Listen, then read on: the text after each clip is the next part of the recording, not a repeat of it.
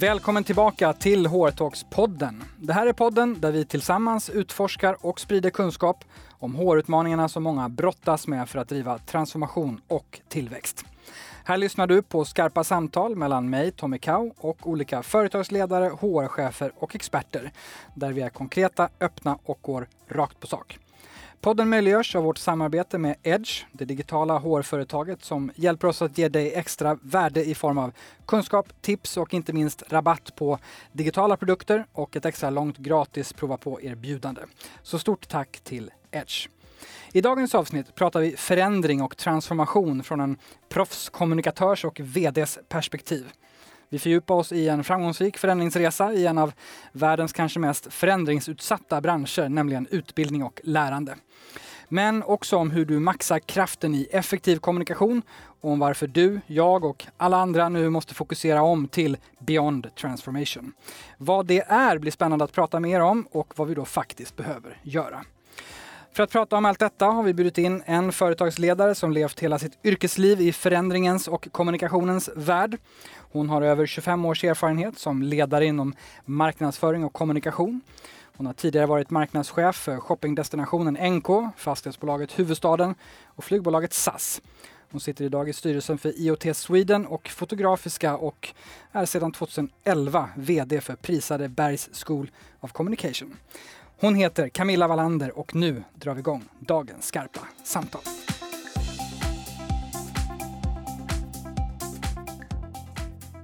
Hjärtligt välkommen till Hårtalks-podden, Camilla Wallander. Stort tack.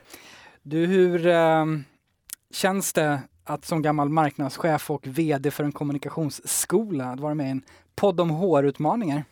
Jag tycker att det känns viktigt, men det känns också riktigt. För mig, jag jobbar ju dagligen med att få andra människor att utvecklas eller få företag att utvecklas. Så eh, lärandet och HR känns väl väldigt, väldigt nära. Så att naturligt. Mycket bra. Som du vet går vi den här podden också rakt på sak. Vi befinner oss alla just nu mitt i coronakrisen eh, som fortfarande påverkar oss med full kraft. Vad upplever du som ledare och VD är mest utmanande just nu? Jag har nog känt att den största utmaningen handlar om mindset. Eh, att ställa om och eh, på något sätt ha ett förtroende för att det, det, är en process som kommer att leda framåt, leda framåt på, till någonting som man kan hantera. Eh, min egen personal har jag känt att det har gått ganska enkelt. Vi är vana att jobba agilt och snabbt och ändra hela tiden. Men det finns väldigt, väldigt många som har förväntningar på någonting, hur det ska vara. Vi har både lärare, vi har studenter, vi har kursdeltagare. Och från den där förväntan till det här nya läget har det krävts en hel del så coachning och eh, också hjälp och verkligen handfast hjälp. Hur, eh, även om ni är vana eh, och fullfjädrade mm. inom om, eh, agilt och konstant förändring, hur, eh, hur påverkas ni och hanterar ni eh, krisen som liksom, kommunikationsskola?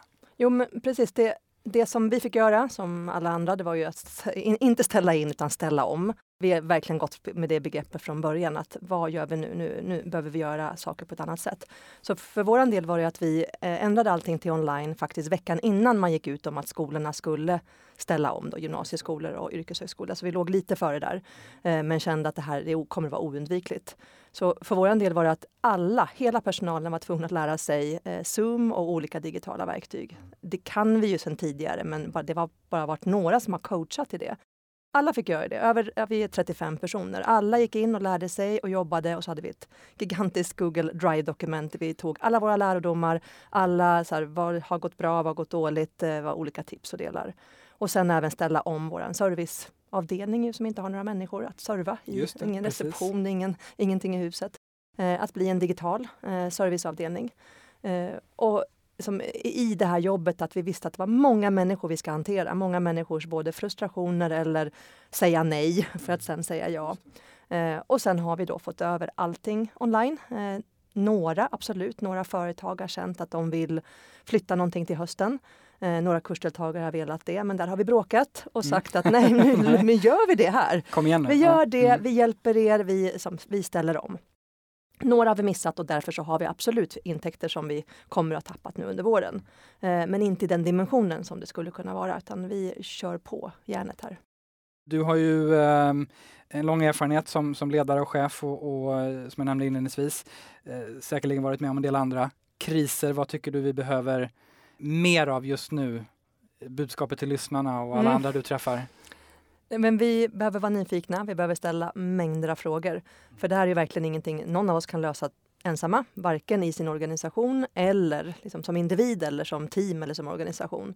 Så nyfikenheten att verkligen vilja förstå, ställa frågor, ta in nya fakta eller ta in nya människor, jobba med nya konstellationer, gå ifrån traditionella ledningsgrupper eller vissa team som gör vissa saker, utan så här, helt bryta det och räcka ut handen till eh, konkurrenter som är nya samarbetspartner eller som, eh, samarbeten som man kanske inte hade tänkt innan som man kan prova nu.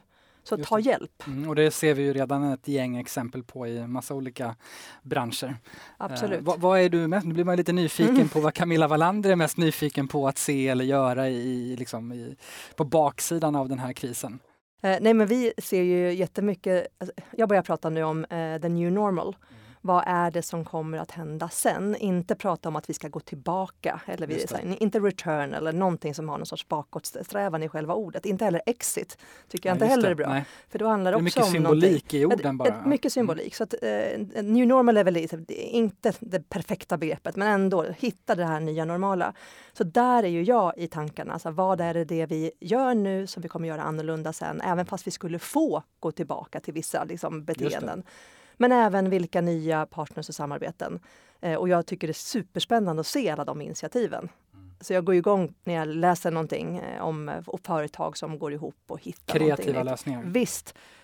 Och det, men det är väl hela mitt DNA, att jag, jag älskar samverkan och tror på kraften i att människor gör saker och jobbar tillsammans. Inte bara på det jag gör på Bergs. Jag har alltid gått igång på nätverk och hur man hittar olika typer av individer som man så krockar och får ut det bästa av. Ja, vad kul, spännande. Vi, vi kommer säkert tillbaka till eh, det. Eh, Okej, så det behöver vi helt klart mer av, flera saker. Men vi ska ju prata i huvudsak nu inte om eh, corona, även om eh, baksidan av corona är eh, dagens ämne, transformation och, och förändring. Du har ju jobbat mycket med just de grejerna, också med att bygga bolag och utveckla bolag. Och eh, vad skulle du säga är, om man bortser lite från corona, vad är den enskilt största utmaningen har du lärt dig med att leda och driva transformation och rejäl förändring? Skulle nog säga att eh, det kommunikativa ledarskapet, eh, för mig känns det otroligt, otroligt viktigt och jag märker också kraften i det om man är van kommunikatör. Att kunna både dela saker snabbt, inte vara rädd för att dela information. Att kunna hjälpa till att sammanfatta saker så man får en helhet och förståelse för det. Men även ligga i framkant att plocka goda exempel och visa, visa alternativa vägar som andra gör. Så att vara både i nuet och i framtiden men verkligen hjälpa till i att vara den här som är, vara en part som summerar och se till att, eh, att man förstår vart man, var man är och vad man gör. Så även oberoende av vilken förändring eller eh, transformation man ska göra så pågår det ju så otroligt mycket saker. Så det är lätt att tappa bort sig i vad håller vi på med, vad gör vi för någonting? Eh, så att man måste liksom komma tillbaka till varför man gör det och se, börja se exempel. Just det. Och det kan andras exempel. Det handlar lite också om att kurera Precis. allt som händer både innanför och utanför organisationen. Nej, men vi, jag är så himla glad för kanske för fyra, fem år sedan Ja, kanske mer än fem år sedan, då började vi att ha Facebook som vår digitala mötesplats på jobbet. Eh, bara för att kunna dela saker med varandra. Men för ett år sedan så kom det frågor kring eh, att man ville gå, några ville gå ur Facebook och då gick vi över till Slack istället. Eh, och även fast vi hade jättemycket omvärldsbevakning på Facebook redan då så har den ju tvådubblats eller tredubblats eh, där hela personalen delar hela tiden. Vad kan, vad kan, som vad kan det vara som ni delar och som, som alla fiskar upp? Och hur, finns det olika Ja. kanaler då som, för olika ämnen eller hur? Ja, Vi har absolut olika kanaler för olika ämnen, men som också de här spaningarna kommer in. Men sen har vi också en renodlad spaningskanal och för våran del så är det ett förändringsarbete av något slag. Det kan vara allt ifrån eh, saker och ting som händer i kommunikationsvärlden, olika byråer som går samman eller byråer som skapar någonting som är liksom intressant och aktuellt. Det kan vara eh, tjänsteutveckling och produktutveckling som vi tycker är intressant, som handlar om någon ny innovation eller ett nytt sätt att göra saker på. Eh, det kan vara, jag fick idag, bara såna här roliga saker också. Någon har ju tagit fram nu en, eh, en app, är det en app? I alla fall en funktion där man kan få ljudet av människor på en arbetsplats. Och det finns fem stycken reglage. Du kan reglera hur mycket kaffemaskin du vill ha, hur mycket ja, människoljud, perfekt. om det ska vara en hund som skäller lite grann, om det ska vara du vet, eh, printer eller tangentbord, så kan man reglera det där och så får man det perfekta bruset i bakgrunden som gör att man känner sig mindre ensam. Wow. Det är lite det här att jobba med öppna Zoom-kanaler, nästa steg att få, få ljudet. Så vi, vi, tror ju på att det kan komma var som helst, både samhällsförändringsprojekt, eh, som in, enskilda individer eller företag. Eller, eh, vi har en mängd sådana varje dag som vi delar och sen så likar man det eller skriver en kommentar och till slut föder det grejer. Man har hört någonting innan, man sätter ihop det eller bara får förståelse för hur det ser ut idag. Jag tänker det är mycket det kommunikation handlar om, att kunna eh, se mönster, se saker som händer, anpassa det eller hämta hem det, bli inspirerad av det för att se vad kommer flyga, vad kommer inte flyga. Det funkar inte bara att sitta på egen kammare. Nej, och, så. och framförallt inte, inte nu kanske. Inte heller den gamla devisen att man har en insiktsansvarig som det är den personen eller man har en omvärldsavdelning och det är den som, de som gör det och ibland involverar de övriga personalen kring olika projekt till ett möte eller någonting. Och vi skippade det för fem år sedan. Här delar alla för att eh, min tanke eh, som jag tog med mig in i jobbet på Bergs, det var ju att alla ska vara en del av utvecklingen. Jag har en förväntan av att alla är med och bidrar till att utveckla Bergs. Om det så är en process eller om det är en affärsprodukt eller en servicesituation. Eh, och då måste man ha förutsättningar för det.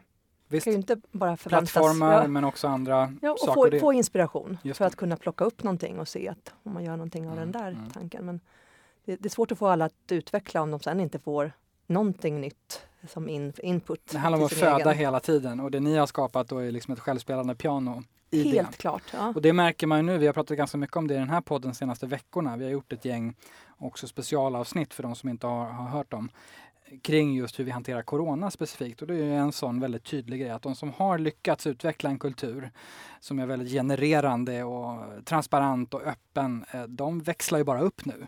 Ja. Medan de som inte har det, de, de, de, dels kan de inte toppstyra på samma sätt och dels så kan de inte göra alternativet för det har de inte preppat. Och man, jag tror att många gör, de som säger att nej men vi ställer in mm. eller vi avvaktar. Det är för att de känner att de tappar kontrollen eh, och att de har kanske för få som har koll på helheten så de har svårt att få till en förändring för um, folk är inte med på, på tåget riktigt.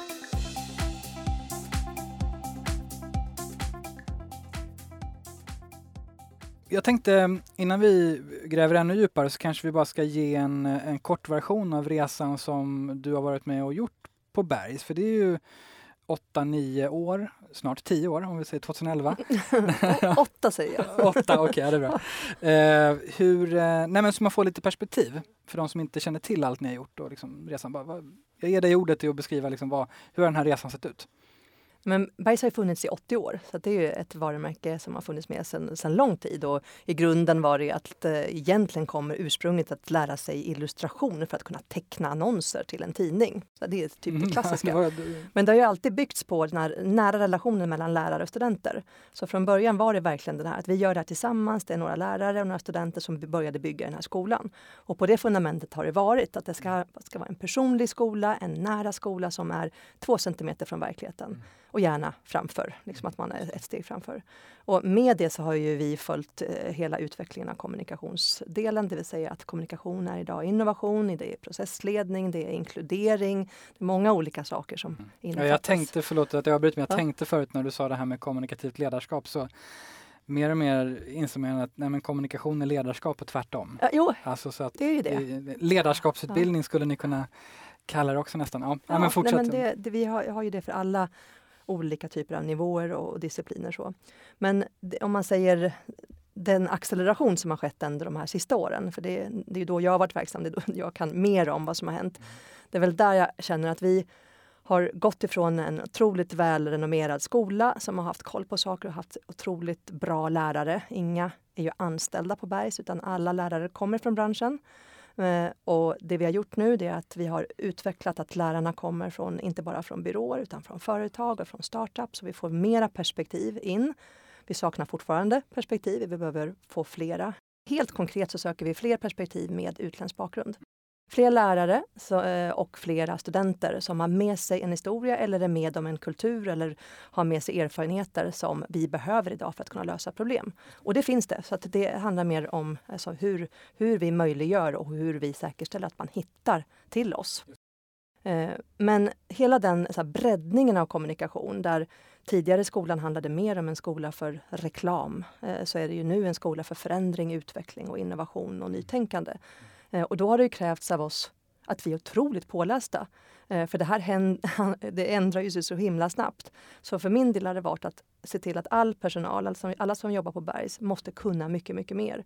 Måste kunna förstå vad som händer, vilka beteenden som förändras, vilka ämnen som utvecklas och kunna fråga, bygga nätverk kunna, för att kunna ställa frågor och nå ut. Och sen samverka då i, i, i, grupper för att lösa att det. På, på, på, riktigt vara ständigt lärande Precis. och inte bara ständigt lärande på på en, en eh, godkänd nivå utan på nästa nivå. Ja, för att kunna bedöma Eftersom alla också. kunder och alla andra är ständigt lärande. Ja, och vi får så många förfrågningar hela tiden kring eh, initiativ som man önskar att vi skulle göra och olika personer då som vill både vara lärare eller samarbeta. Och då måste vi kunna bedöma dem. Är det här bra initiativ? Är det någonting vi tror på? Ligger det på vår agenda? Har vi det i vår spaning så mm. framåt? Mm. Så den resan har varit superviktig att öka på vår kvalitet och vårt insiktsarbete för att vara ännu smartare och kunna verkligen säkerställa att går man en kurs innanför de här områdena, då har man en chans verkligen att utveckla sig själv eller få ett nytt jobb eller stanna kvar i sitt jobb. Och sen den andra delen har varit en digitaliseringsresa, absolut, med eh, olika typer av system, digitala plattform, att vi alla har eh, ett digitalt klassrum kopplat till varje kurs eh, och fått in mycket, mycket mer, eh, mera av blended learning då. Men fortfarande eh, på en för låg nivå mot vad vi kommer att se i the new normal. The new normal just det, precis. Men och är ni där då, ja. eh, tycker du, i, om man tittar på den första biten som ju handlar om att ni ska vara bättre, ni ska vara ännu mer ständigt lärande och att eh, alla på Berg ska kunna, kunna mer. Så egentligen mm. två frågor som hoppar i huvudet. Ja. Tycker du att ni är där eller vad vill du se mer? Och sen eh, lärdomarna från den resan. Ja. Men det jag kan se att den stora utvecklingen som vi har gjort, det är från att man inte att eh, det fanns vissa tankar kring att vissa tjänster och vissa roller behöver inte vara lika uppdaterade. Den här typen av roll behöver inte förändras lika mycket så, eller vara med och vara involverad eller veta lika mycket. Eh, den fick jag kämpa en del för eh, mm. att få alla att förstå att ja, men det behöver man. Tills att idag är det helt naturligt. Mm. Det är nog ingen som skulle kunna tänka sig säga att nej, men jag gör bara min del. Nej, precis. alla, är, alla är med. Alla, alla är en del i mm, helheten, just absolut. Just eh, så den är superviktigt. Och sen om vi är där vi ska vara när det gäller att ha kunskap kring kommunikation och innovation. Så, det kommer ju nya saker hela tiden. Mm, så kombinerat med att vi har en omvärldsbevakning som är verkligen på tå och att vi har så otroligt bra lärare som fidar in saker också. Det de tycker vi borde veta och göra. För vi är ju deras arbetsplats. Så även fast vi inte, de inte är anställda så är de ju en del av vårt nätverk eh, och där de vill fortsätta vara. Och då vill de ju se att vi utvecklar oss i den riktningen. Och eftersom vi ska vara där branschen är, vare sig det är på en marknadsavdelning eller om det är på en säljavdelning eller HR eller en reklambyrå eller digital byrå, så ska ju man, har man gått en kurs eller en utbildning på Berg så ska det vara plug-in riktigt direkt så att du bara fortsätter mm. och gör eller du går ifrån, får nya kunskaper och kan göra mer. Och gärna lite mer än vad, alltså att du ligger lite i framkant även på ditt eget jobb. Så att saker och ting när det kommer sen om ett mm. halvår eller någonting, då är du redan lite, du längst fram. Ja, då är du eh, redo på det. Mm. Jag gillar ju, även fast han är lite uttjatad, så Simon Sinek och hans teorier och den sista boken med The Infinite Game. Själva grejen handlar ju mer om att eh, det har varit så många ledare som har fokuserat på att det är en match man ska vinna varje år eller varje Exakt. kvartal. Det finns ett slutmål. Eh, det finns hela tiden någonting du ska rapportera till en aktieägare eller vad det nu är man har som man rapporterar till och att det är hela tiden ett, eh, ett finish game som mm. har ett start och slut. Eh, till att om du ska orka driva utvecklingen framåt och om du ska ta hand om de samhällsförändringar och miljöfrågor eh, som finns, då måste du vara uthållig och se det som ett infinite game. Och det märker man också nu i corona att många förstår att det här är någonting vi nu måste, det är ett långt lopp Inte ett kort lopp vi löste på några Nej, veckor. men det var utan- någon som sa det häromdagen att det är ett Ja. maratonlopp Exakt. som inte vet hur långt det är dessutom. Så det, var, Eh, det var det han var på för ett år sedan, att han började prata om the infinite game och då gjorde han det mycket också i Ska vi göra de förändringarna som, som miljön och samhället kräver, då kan vi inte hålla på och, och göra de här korta loppen längre. ja, men min reflektion är just det att det vi är inne i precis nu kanske är det nya normala. Mm. Alltså vi, det, dels så kommer det ta lång tid och dels så kommer kanske det här ersättas av någonting annat och så vidare. Att, eh, och då insåg vi att om man tar den approachen, att det här är det nya normala, alltså någorlunda, Mm. då kanske faktiskt, faktiskt omställningarna som vi har bett om de senaste åren går fortare och blir mer kraftfullare. För att vi anpassar oss till den verkligheten som är nu. Snarare än att försöka, som du är inne på, greppa tillbaka till något som var kombinerat med lite nytt. Och Ja, men precis. Och det, framförallt så lär vi oss nya arbetssätt.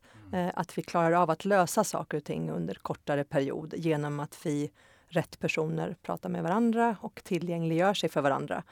Så att jag tror ju framförallt att ett arbetssätt där man känner att om man kanske har pratat om agilt eller transformation som ord, kanske fått vara med om en workshop eller någonting Mm, sånt där, mm. till att man nu gör det. Man, alltså, agilt handlar ju mer bara om att du gör någonting och du testar och provar och så gör du nytt och så förändrar du och så utvecklar du.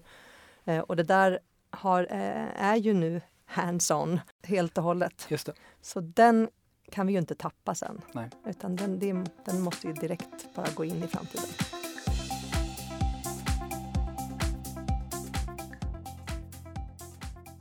Du har drivit förändring på både SAS och NK och på andra saker. Vad, vad tycker du är mest ehm, likt och Mm. därmed något som du applicerar när du tittar på förändring och transformation generellt? Och vad har varit mest påtagligt, kanske annorlunda att driva den Mm. transformationen som du har varit djupt inne nu i åtta år? Ja, men just då att få en möjlighet att kunna jobba för starka varumärken eh, som både SAS och NK och Bergs. De är ju starka av en anledning. Mm. De är ju starka för att de har en ambition och en vilja. Så alla de här bolagen har haft en vilja att vara i världsklass. Att vara någonting som man ska titta på, någonting som man ska vara en förebild för andra. Eh, På NK var det jättetydligt ett varuhus i världsklass och även Bergs, världens bästa kommunikationsskola. Och SAS hade de absoluta ambitionerna. Så vill man vara där, då har man ju satt den ribban. Och sen gäller det att leva upp till den, att skapa förutsättningar. Och på, så att likheten i att driva utveckling, det är att man vill någonting eh, och att det finns tydlighet i det, så man hela tiden kan se goda exempel på att man faktiskt vill det här. Och koppla Eh, tillbaka till viljan. Ja men precis. Och, och väldigt sådär eh, konkret i vad det betyder för någonting. Och man får se, eh, jag, jag, gill, jag går igång på bilder och ser saker framför mig. Och alla de här bolagen har varit väldigt eh, illustrativa när man visar på vad, vad det är att vara i, i världsklass. Då. Eh, och om man ser skillnaden sen på på SAS, när jag jobbade där, då var man fantastiskt duktiga på att ha utvecklingsprojekt där alla fick delta som ville delta. Det var in, några var absolut dedikerade. Men många kunde bara gå in i de här olika projekten. Eh, och det var helt eh, fantastiskt att kunna göra det. Och jag gick en management trainee-utbildning på SAS. Jag var ju supernyfiken och var med i alla jag kunde tänka mig. Nackdelen med det var ju att många visste inte om varandras projekt, för det drevs ju så mycket samtidigt. Så eh, att man, det var dåligt med lärande mellan projekten, Mm. men projekten i sig var fantastiska för den divisionen som då gjorde det. Kopplat också till att SAS var supertidiga med ett eh, produktlabb.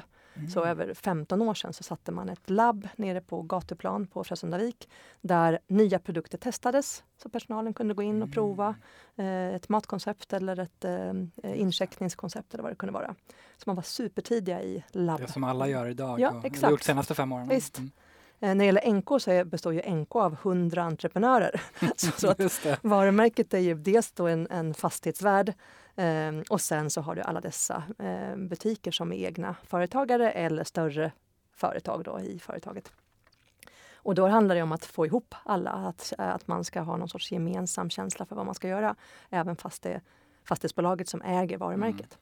Eh, och då var det ju så helt fantastiskt när man gjorde de där processerna rätt. När man involverade människor, allt från korvkiosken till Hermes till eh, skoavdelningen eller kosmetik eller möbler. Och, olika personer med olika erfarenheter och så löste man saker. Och Hundra krafter. Ja, och sen tusentals medarbetare. Mm. Men det kunde ju vara lika jobbigt när processerna blev fel, när det var mycket motstånd och man, hade, man kunde inte förstå varandra, man kom från olika perspektiv.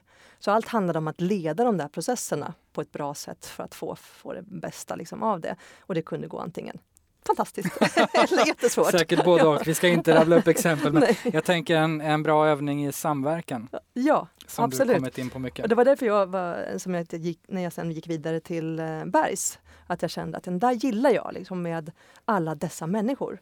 Eh, och på samma sätt är ju Bergs en hubb med 800 lärare, du har flera hundra studenter, du har 2000 kursdeltagare, du har ett hundratal företag som mm. man jobbar med. Så att den här paletten av mycket människor som på något sätt man ska, göra, man ska skapa någonting som ska funka mm. för de här. Eh, och de som inte är nätverkande organisationer får nog öva sig i det nu. Ja men precis, och också att de som är ledare verkligen ska tänka att de har en stor del av sitt arbete måste vara att träffa människor, träffa ja. företag, läsa om saker och ting som händer och sen ta kontakter för att eh, vara nyfikna och höra mer. Så att eh, väldigt många har nog ägnat stor del i sitt företag, inne i företag och haft en alldeles för liten del att spana ut och mm. bygga de här relationerna. Verkligen. Hur, eh, det kanske är svårt för dig att göra distinktioner, men jag tänker så här, VD på Bergs, hur, hur spenderar du din tid för att åstadkomma allt det här du pratar om? Har du någon, så här, några nycklar min, eller min strategi. idéer? Ja. Ja, nej, men jag eh, har dedikerat tid för det varje mm. vecka. Mm. Så jag har eh, gjort ordning min kalender. Så jag, jag, börjar alltid, varje år börjar jag med att göra hela årskalendern. Så att jag eh, lägger ut alla möten som jag ska ha under hela året som är i företaget. Mm. Eh, och sen så lägger jag ut alla... Det vara ledningsmöten, styrelsemöten, all hands eller vad det nu kan vara? Precis, mm. dels är det då personalmöten och konferenser och julfest och whatever. Allting det, du, ja. som du tycker är viktigt. Ja. Eh, och sen så har vi mängder av advisory boards och inkluderingsråd eh, och pedagogiskt råd med olika parter. Så det är en form för oss för att nätverka, det är de här olika typerna av råden. Då lägger jag ut alla de datumen så att de inte krockar med varandra, så att hela året är synligt. så. Och sen lägger jag ut tid för mig själv eh, varje vecka, att ta luncher eh, eller frukost så att det ligger i kalendern redan från början. Men sen så är jag väldigt mycket, absolut, LinkedIn eh, är den, de viktigaste av de sociala kanalerna. Jag mm. gillar absolut både Facebook och Instagram, men lite mer personligt så. Mm. Eh, Medan LinkedIn är professionellt och då tar jag kontakter. Mm. Så ser jag någonting, eh, om jag läser någonting i tidningen som jag tycker känns otroligt intressant. Då LinkedIn kontaktar jag den personen och så frågar jag, Gud, jag läste det här, mm. superintressant, eh, har du, skulle du kunna ta en lunch mm. eller om du vill, jag eh, skulle gärna diskutera vidare. Svarar folk oftast? Nästan, alltså 95 procent ja. ja mm. mm. Vad häftigt. Det är ett sätt att bara här, ha det som vana att eh, läser man om någon som man tycker är intressant eller ett företag, det är inte så himla stort steg att ta att göra i alla fall en förfrågan på LinkedIn och sen så får man se om den är tillgänglig eller ens liksom aktiv där. Mm. Eller hitta en mejladress. Det ta, skadar inte. Ta modet. Nej, tvärtom. Ehm, och det här är någonting som jag själv har eh, Eh, liksom driva och pusha. Vi, jag jobbar ju mycket mot ledare, och framförallt kanske HR-ledare och många av de som lyssnar är ju den, eh, den målgruppen. Att vi behöver bli mer nätverkande. Vi behöver bli som rekryterande chefer också mer nätverkande för många vill inte... Nu, kommer vi, nu öppnar vi liksom eh, locket till en, ett helt annat ämne men, men poängen är att många i våra målgrupper sen, de eh, vill inte alltid vara så formella. De vill kunna nätverka och träffas och få kontakt med dig som rekryterande chef eller som HR och se dig och bli inspirerad av dig och så vidare. Och där, där är du en förebild i att du är väldigt aktiv och, och säkert många fler på Bergs. Att vara mer digital, öppen, approachable. Mm, ja men precis, tillgänglig. Mm, jag tycker men det är ett väldigt, mm. väldigt bra mm. ord för det, de flesta förstår vad det innebär. Mm. Och vi har väldigt många som inte är det. Nej, men det, det blir lite komiskt ibland när man, om man sitter på en, ett seminarium, någon, någon uh, större seminarium, det är massa olika gästföreläsare. Mm. Och så är det någon gästföreläsare som man går igång på som pratar det. om det här med vikten av förändring och nätverkande. Mm. Så kanske jag då eh, gör en LinkedIn-förfrågan. Mm. Gud vad intressant, jag sitter och lyssnar på dig just mm. nu. Superbra. Så får jag inget svar. Nej. Eller ännu värre, man hittar inte ens personen. Nej, men då har den personen pratat om, absolut om digitala möten och allting också. Mm. Och så inte ens svarar. Nej, Där kan jag bli förvånad ibland. kan man ta med sig, ja så är det.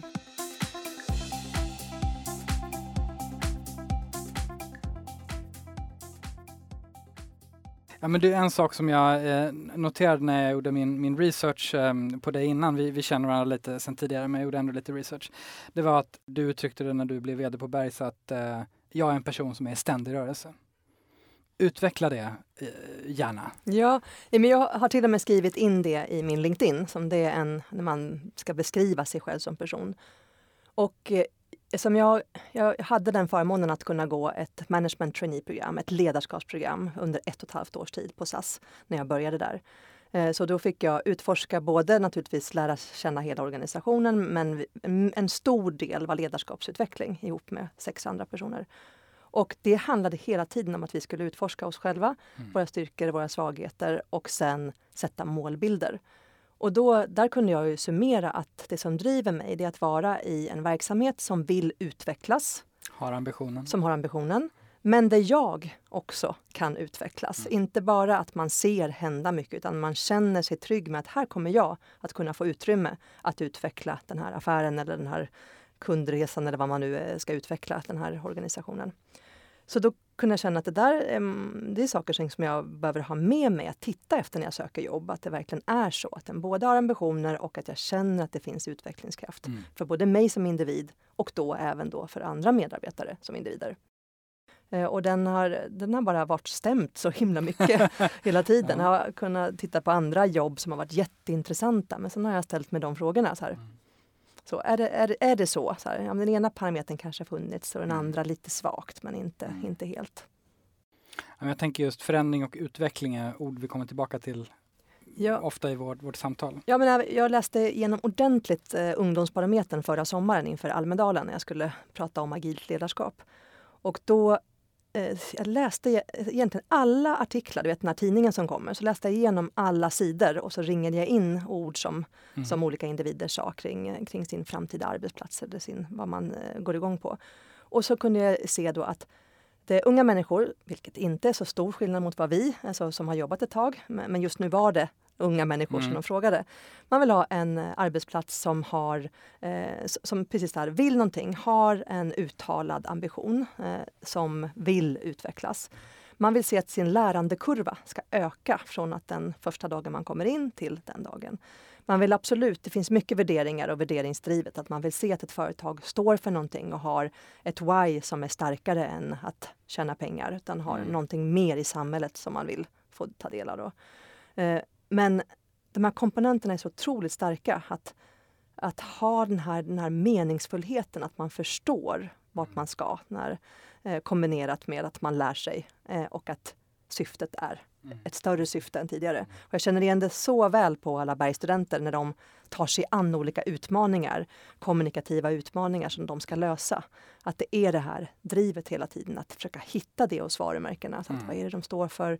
Vilken kundgrupp har de? Hur skulle de kunna bli en, ännu mer relevanta för människor idag? Vad är det som gör att de blir relevanta. I vilken kanal ska vi vara? På vilket sätt ska vi uttrycka oss? Hur ska produkten eller tjänsten förändras? Mm. För man ska kunna möta Låt oss prata lite om ett begrepp som jag nämnde inledningsvis, som du pratar mycket om, som kanske kopplar an till förändring och utveckling. Eh, det är Beyond Transformation. Mm. Vad utveckla, vad är det?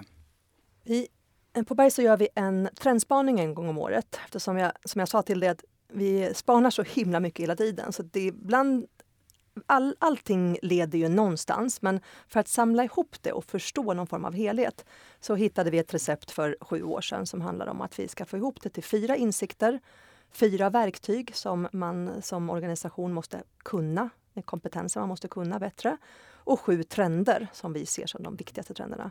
Och utifrån att vi har spanat överallt så har vi kunnat sammanställa det. Men vi börjar alltid med övergripande liksom, eh, trend eller fenomenet som vi ser. Och då har det kunnat vara allt ifrån att vi har pratat om trust, vikten av att bygga förtroende och att idag är det inte vd eller de, den typen av personer som bygger förtroenden. Det är den som du känner, din, mm. den, eh, den du, eh, a person like you. Till att vi har pratat om att gå från business to business, business to consumer till human to human. Att idag handlar allting om människa till människa.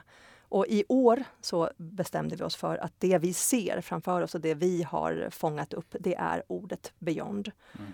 Just av den anledningen att så många är så frustrerade över att ord som disruption och transformation och acceleration och allting sånt. För det är bara processen och man vet inte vart man ska. Och då kommer ju ofta svaret att ja, men det är så svårt att veta vart man ska nu, för det, nu går ju allting så snabbt och så. Så att om inte ens ledarna vet vart man ska, men man vet att man ska förändras, men mm. inte överhuvudtaget till vad, då blir det väldigt svårt. Mm. Så vi tror ju på tydligare visuella målbilder som sen kan ändras för att det händer så mycket.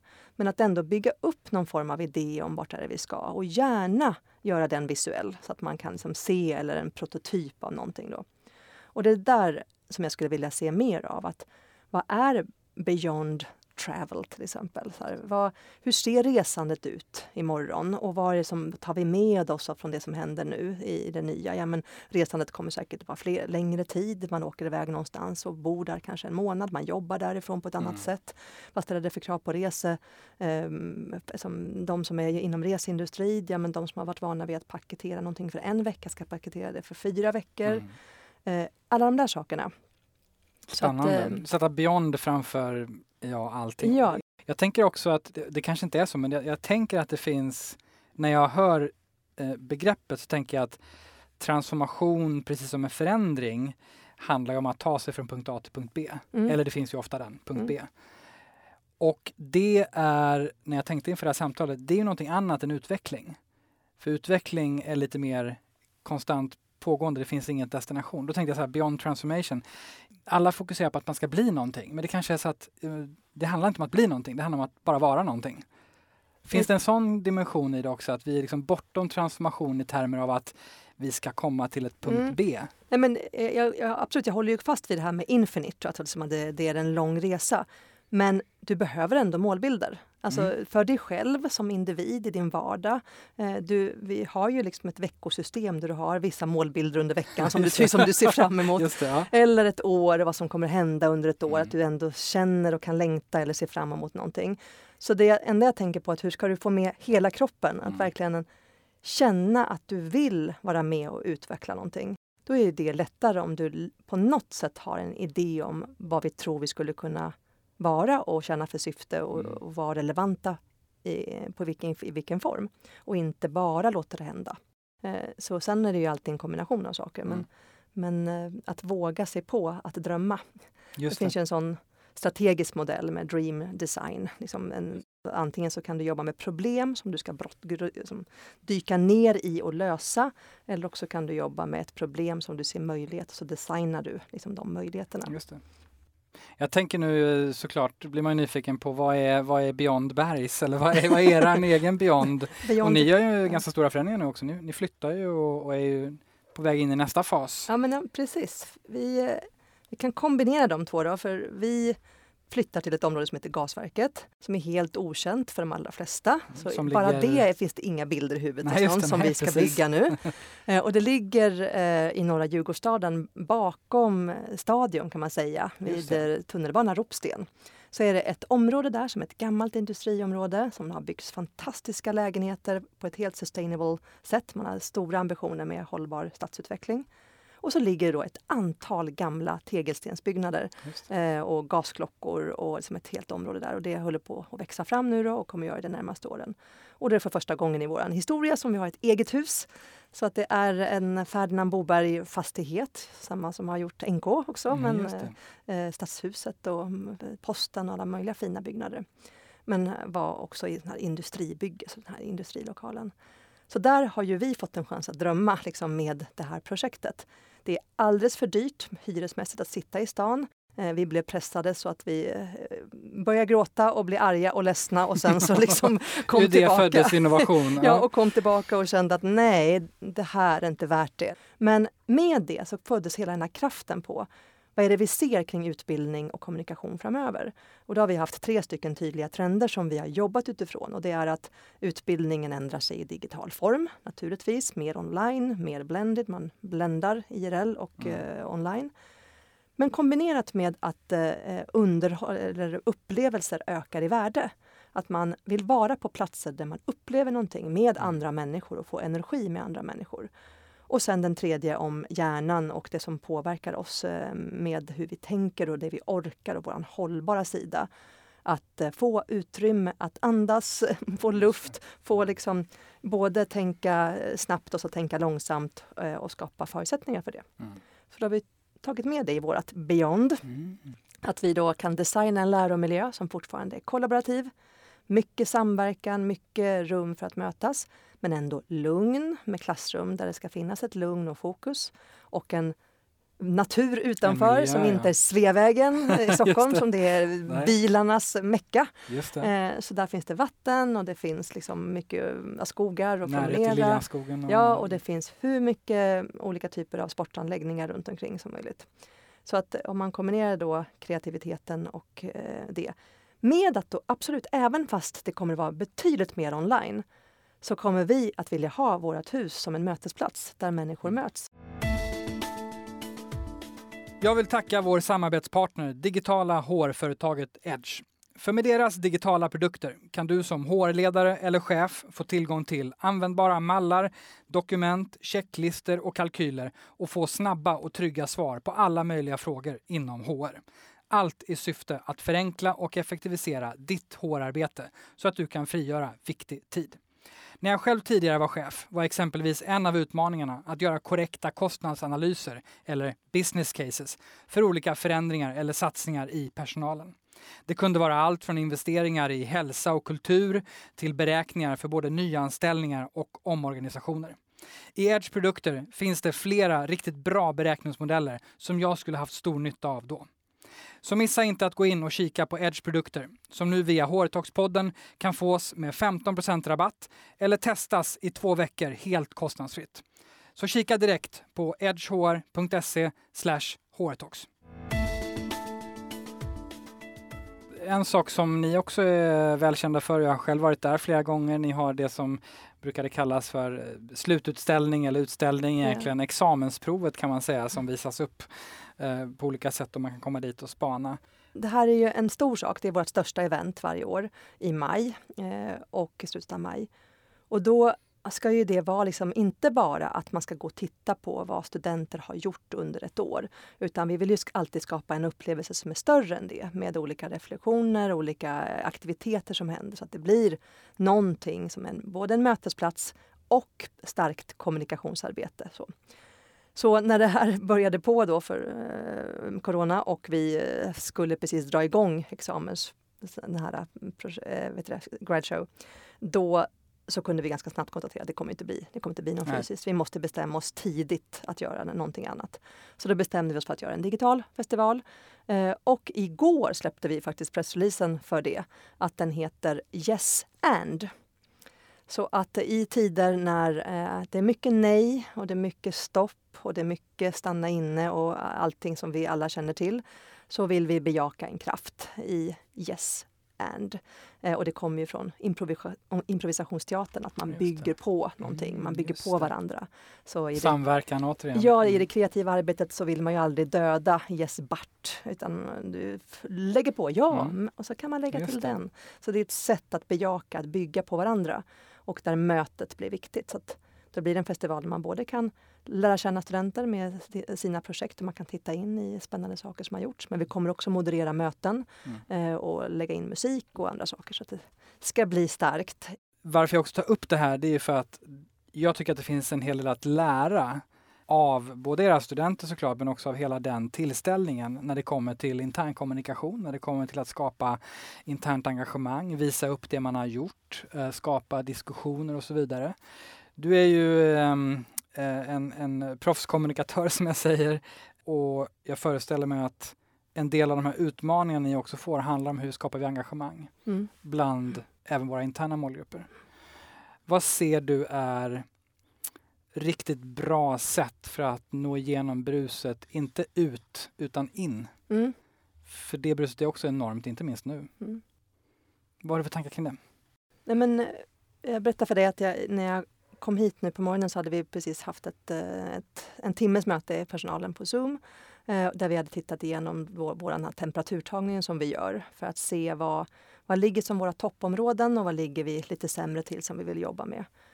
Och då ligger vi extremt mycket högre än eh, en index på några områden som jag tycker känns otroligt viktigt och det är delaktighet. Känslan att man är del av någonting och att man är öppen med information hela tiden. Som man förstår och är med. Och jag vet absolut att stora företag, det finns jättemycket som kan hindra det.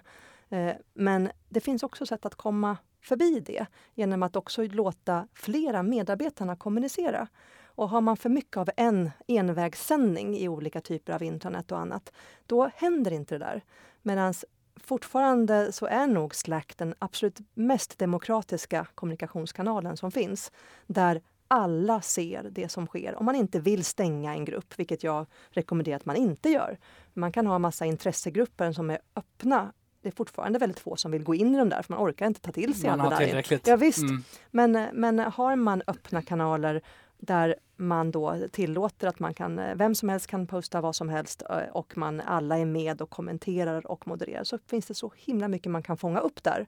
Och bygga mera initiativ och som hitta både saker man behöver göra eh, men också kunna svara direkt och, och Mm. någon annan kan svara åt den. Just det, Så det, är precis. ju, det liksom inte, handlar inte om att, någon- att eh, ledare har en, ett, ett eget ansvar för, för kommunikation eh, eller intern kommunikation, utan det är ju alla som bidrar till det. Och den tycker jag är så himla häftig. Att, Mm. eh, när vi inser att den interna målgruppen är den viktigaste, då är ju alla individer kopplade till varandra viktiga. Hur de hjälper att förklara och berätta. Ungefär som digitala kundserviceavdelningar och många varumärken som inte har, inte har en egen utan de låter kunderna Ja, det, hjälpa varandra att lösa problemen. Det ger förutsättningar till det. Precis, det, det skulle jag tycka att man, Mm. man skulle se mer av. Finns det, jag tänker om man lyssnar eh, så är man ju då, eh, man är ju chef, ledare, man jobbar inom HR. Vad tycker du är riktigt viktigt att man förstår? Vad skulle du vilja skicka med när det kommer till att förstå vad som är riktigt bra kommunikation idag? Jag håller Mm. mig kvar lite Ja, vid ja, kommunikation och då vare sig den är intern eller, eller extern. Men liksom vad, år 2020 eller ännu mer kanske framåt om vi ska vara lite framåt. Vad behöver man ta med sig från det här samtalet? Liksom, vad, vad är riktigt bra kommunikation? Då vill jag nog ändå hålla i grundbegreppet av kommunikation. Det är att göra gemensamt. Alltså, jag, har hört i din podd att det är flera som återkommer till det och det är så viktigt. Att kommunikation är att göra eh, budskap, eh, projekt, annat gemensamt. Det vill säga så att man förstår, man är med, man har koll på det som ska ske. Mm. Så närvaro i kanaler där ens medarbetare är, är ju A och O. Och mycket närvaro, frekvent närvaro och också aktivt närvaro. Ehm, så den, eh, och det ser vi också när det gäller ehm, som kommunikation, extern kommunikation. Att eh, jag var i Cannes eh, i förra sommaren på just den här Cannes, Cannes Lion Festival, eh, en kreativitetsfestival. Och det man pratade jättemycket om då, det var att när när man tappar, ifrån att man har tagit fram någon kommunikation till att den är i en mediekanal. Om inte de som har skapat kommunikationen är i kanalen och kan bemöta och liksom agera i den kontexten, då tappas hela budskapet. Man bara skickar iväg ett koncept eller en kommunikation. Och de Så som skapat menar du varumärket eller Ja, det- företaget ja, men- eller till och med individerna kanske? Ja men precis, för det är ju, inte, det är en, en, kanske en kommunikationsbyrå som har tagit fram det, men det är ju, man har ju tagit fram det för företaget. Så företaget måste ju vara där sen och Mm. matcha upp och få den responsen och agera på det som dyker upp. För om ingen reagerar på kommunikationen, då är du illa ute. Ja, just det. Precis. Så du ja. måste ju Mm. förvänta dig reaktioner och vara där och, och eh, facilitera och ta hand om samtalet. För idag handlar det om samtal. Vara Kommunikation förberedd. samtal. Ja, alltså, kommunikation är att göra gemensamt och då handlar det om hur gör du det gemensamt. Du måste samtala, förklara. Eh, det är en pågående diskussion eller Mm. ett pågående samtal och inte en någonting som för mycket envägs skickas ut. Jag tänker exakt samma gäller ju internt. Alltså stora bolag som kommunicerar saker. Hur ser du till att vara Ja. där sekunden efter för att kunna fånga upp reaktioner? Skickar du bara ett mejl, Ja. du får ju inte så många respons på ett mejl. Lägger du i en kanal som är delbar där du kan skriva någonting eller använda några reaktionsuttryck, Mm. ja, men då får du direkt Mm. se om det är engagerande eller inte. Eh, Så det är den här att eh, vara nyfiken, vara mottagaren och inte bara ha ett nytt möte om två veckor där man pratar med cheferna och hör efter om de tyckte eller trodde att någon hade reagerat på det som hade skickats ut. Så, liksom, Utan vara där i, i det det sker. Och kopplat till det, när det gäller kommunikation, så kommer vi att komma mer och mer också in i nischad, eh, om man tänker också hela den här influencerrörelsen, eh, att man har personer som pratar för en i olika sammanhang, eh, men också att man själv är, Mm. pratar om ämnen som ska vara på samhällsagendan. Så kommer vi in med vikten att nischa sig, att prata om lite färre saker med lite mer djup. Så att du har, återigen med kunskap, att du visar att du kan någonting. Du har ett företag som producerar någonting, men du är också intresserad av cirkulär ekonomi. Du är intresserad av den där plasten, du är intresserad av vad det nu kan vara, frågeställningar innanför ditt område. Och hur ser du till att människor fattar att det, företaget jobbar med de frågorna? Och då måste man ju kommunicera i poddar eller i eh, någon typ av forum eller med influencers som Mm. hjälper en till att Vi göra kommer tillbaka lite till det vi pratade om tidigare som jag nämnde att jag, fler inom HR och, och ledare generellt behöver vara mer approachable och tillgängliga och kommunicera. Ja. Eh, och att välja vad det är man ska eh, stå för.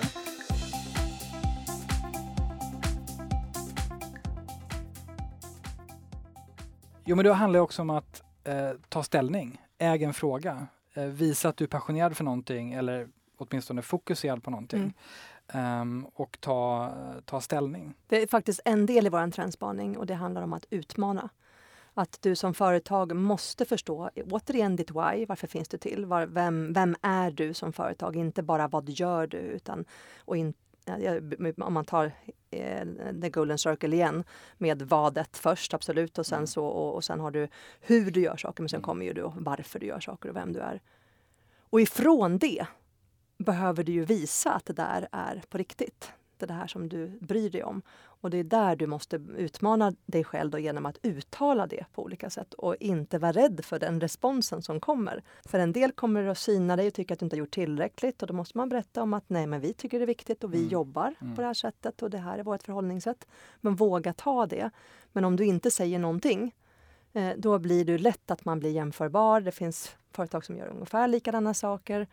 Så en del i att komma ur corona eller komma vidare i det, nya, det är ju att har du byggt tillräckligt starka relationer med dina kunder? Har man, både, har man både byggt med sina medarbetare så man känner att alla är ambassadörer och kan Mm. hjälpa och ha, för att ska man ha dialog med kunder då krävs det att många människor hjälps Mm, åt. det. Det, det är inte liksom en informationsansvarig eller något, utan det, då handlar det om att alla på företaget Mm. måste kommunicera eh, för att man ska orka kommunicera med kunderna. Och, då, och har man byggt relationer, då vill man ju komma tillbaka till det där företaget eller börja köpa. Och det ser vi också vilka man stöttar nu. Vilka har du ett hjärta för? Vilka Mm. är, är det bara de lokala? Eller kan det vara liksom en, en samhällsaktör eller någon annan som du också bryr dig väldigt mycket om, som du köper årskort nu för? Eller vad det nu Exakt, kan vara. presentkort. Ja. Och här är en eh, utmärkt koppling också till många av de som lyssnar och nämligen eh, det interna perspektivet. Alla de vi har permitterat, Ja, alla de precis. som sitter och inte kan gå till butiken och jobba nu för att butiken är stängd. Hur behåller vi relationen till dem? Hur ser vi till att de har ett engagemang, har koll på läget?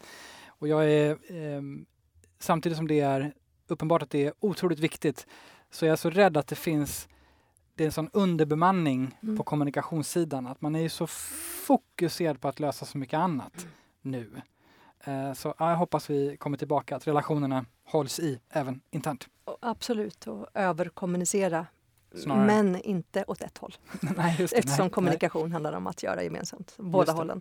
Eh, och det är väl det som de allra flesta, vi har ju kommunicerat. Vi Mm. har ju, Nej. Mm. vi, varje vecka skickar vi ut saker. Så Just det. det räcker inte.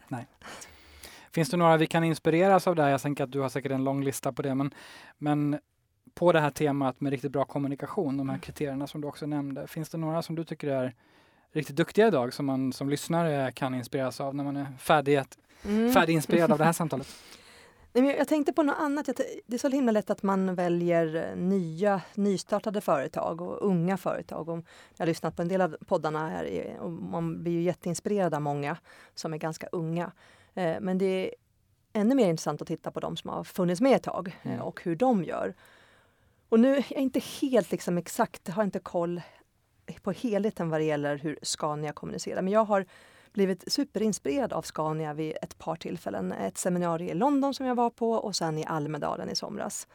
För det finns någonting i det där stora företaget som de verkligen har jobbat med. Både deras målbilder, vad de bryr sig om, tydliggjort vad de bryr sig om i både samhällsaspekt, hur de, hur de sätter ihop grupper för att lösa saker, hur de sträcker ut handen för att liksom be om hjälp och sätta samman eh, grupper för att, för att kommunicera. Och det varje individ i en Scania-bil liksom kan mäta via data och kunna optimera och energieffektivisera och så. Mm. Så att det på något sätt så, nu har jag inte koll på exakt hur de kommunicerar men de måste ju mm. ha gjort någonting bra. Någonting för, bra. Mm. Ja, men det, det, är intressant med Scania, de kommer upp i flera ja. exempel från många. Mm. Vi har ju pratat mycket ledarskap, förändring och, och kommunikation. Vi, eh, HR, vad är eh, Camilla Wallanders eh, här, eh, relation till HR och, och, hur ser du på HR? och Vad har du som VD och också då kommunikatör för förväntningar och krav på HR idag? Men för mig är ju den jättenära. Jag, jag är ju en ledare som jobbar med de verktygen, alltså att jobba med att det är organisationen och kulturen som är det viktiga för att nå framgång. Så för mig är det, det, det, det är samma roll. Det är mm. VD, HR och marknadschef. Mm, det. det är samma. Alltid samma. Jag har plockat allihopa. Ja, ja, men det är bra. Det, och det är tillbaka till där vi började samtalet också med olika silos och så vidare. Den, ja. Um... Men sen så har vi personer som, som jobbar med de sakerna också i företaget. Men ändå, i, jag tycker att det, i en ledarroll ska det rymmas, även fast jag inte är liksom alla de här tre sakerna, så ska det rymmas vi ska inte ha liksom en speciell HR-plan eller marknadsplan utan mm. liksom, vi har en affärsplan och i den affärsplanen så ryms det här. Jag eh, fick lära mig eh, någonting via Franklin Covey som sitter i vårt hus också som är ledarskapsutbildare. Eh, och de pratade om att ha, ha ett fåtal mål som du hela tiden följer upp på som är väldigt tydliga och eh, mätbara och så kommer aktiviteter under. Mm. Eh, så vi, har väldigt visuellt jobbat med ringar, så här, cirklar. Och för mig har det varit att alltid titta på hur kan vi öka vår försäljning? Hur kan vi eh, eh skapa en kvalitet i ett, vårt lärande som är så starkt som möjligt?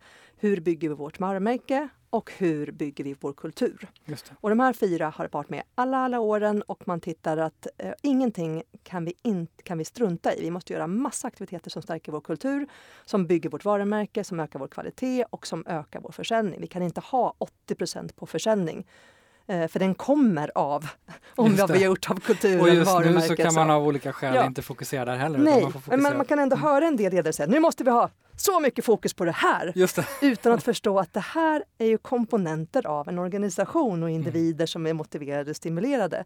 Eller att man har byggt ett varumärke till relationen till kunderna där man, där man är tydlig med vad man kan erbjuda. Så att så att det tydliggörs vad man har och inte bara för att satsa på då produkten, badet. Ja, ger förutsättningar för att köpa. Exakt. Mm. Ja men vad spännande.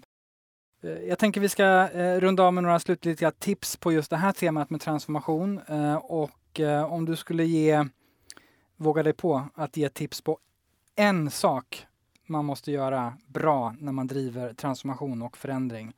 Och även kanske beyond transformation. Vad skulle det vara? Har du lärt dig? Jag skulle säga att kurera.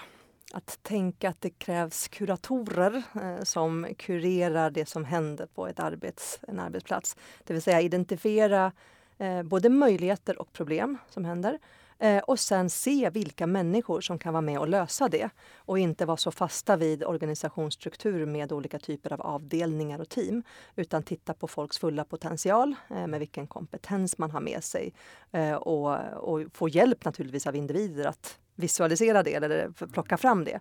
Men att eh, sätta rätt personer vid, eh, till rätt projekt eh, och hela tiden ändra och utveckla det.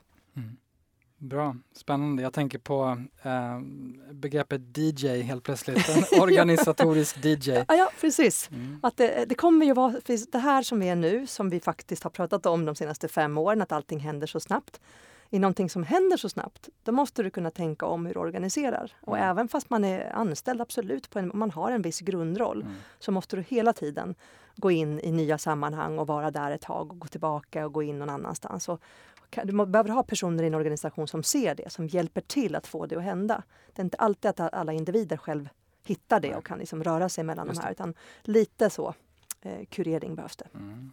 Har du tips på någon eh, bok som man ska läsa eller lyssna på för den delen? Om man vill fördjupa sig mer i, i förändring, transformation, och som du, du var inne på Simon Sinek, men... Mm. Eh... Nej, men jag, jag, eh, vi struntar Jag har mycket böcker hemma och vi läser mycket böcker. men, men, men eh, jag skulle ändå säga Harvard Business Review. Och mm. även fast det är också ett uttjatat liksom, exempel mm. så tycker jag fortfarande att det håller så himla väl. Så vill du eh, ha koll på det senaste inom både agilitet och ledarskap och innovation och allting så har de alltid det. Jag köper alltid tidningen mm. eh, för att jag tycker att i en tidning så är det också där att du ser vissa saker, du fastnar för vissa delar. Och så läser jag alltid någon artikel lite djupare, ett par stycken. Men sen har du hela hemsidan med videor och poddar Enormt och bibliotek. helt galet mm. bra grejer. Och alltid så smart sammanfattat om man vill ha det kortare eller, eller olika typer av nycklar för att kunna liksom hitta in i det. Så att det är en källa verkligen till ett bibliotek eh, om man vill ja, utvecklas.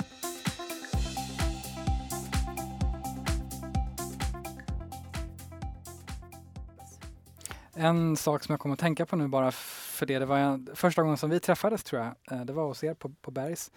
Då sa du att en spaning som, som du gör i ditt jobb är att eh, människor är oerhört uppdaterade. Men eh, de saknar djup. Mm. För man hinner.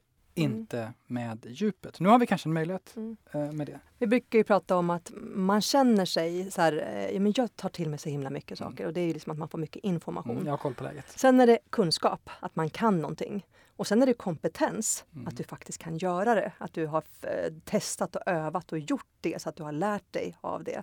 Och många är ju kvar på information och inspiration mm. och tror att det är kompetens.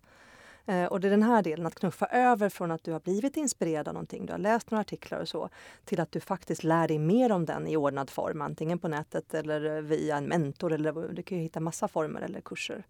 Och sen måste du ju öva dig på det. Mm, För om du bara har läst eller hört eller lyssnat på någon och inte gjort det, eh, då kommer du ändå inte ha kompetensen. Eh, för att göra det och få feedback på det, göra om och sen så hålla på och rotera det mm. iterativt. Då. Då, då får du kunskap. Jag tänker att första steget som är ganska svårt att göra, eller talat i, i dagens konstanta flödesmiljö, det är att bara dra gränsen från det första steget. Bara, nu har jag fått tillräckligt här. Nu ska jag inte fastna här och fortsätta utan nu ska jag använda tiden till nästa steg. Mm. Men då, jag kommer att tänka på det här i och med att um, som sagt Harvard Business Review är ju liksom en outtömlig källa av eh, mer eller mindre djup då, kunskap och information. Vad, vad, hur tar du det från det till att just gå igenom de här stegen själv? Vad, vad, vad kan du ge för tips på, på att mm. så snabbt som möjligt komma vidare? Ja, men där, jag tror att man är ganska eh, också lustdriven. Man känner när det är någonting som man verkligen går igång på. Jag känner det i alla fall, att jag jag blir sådär eh, helt fokuserad på det jag läser och, mm. och jag gör ju oftast någonting då. För att jag, jag, samlar inte bara. Ibland tar jag ett foto, absolut. Jag tar fram min telefon och så fotar jag någonting eller jag skriver upp någonting. Men jag behöver göra någonting direkt mm, för att det ska mm. hända. Och det är många entreprenörer som säger att Gud, jag gör saker alldeles för fort.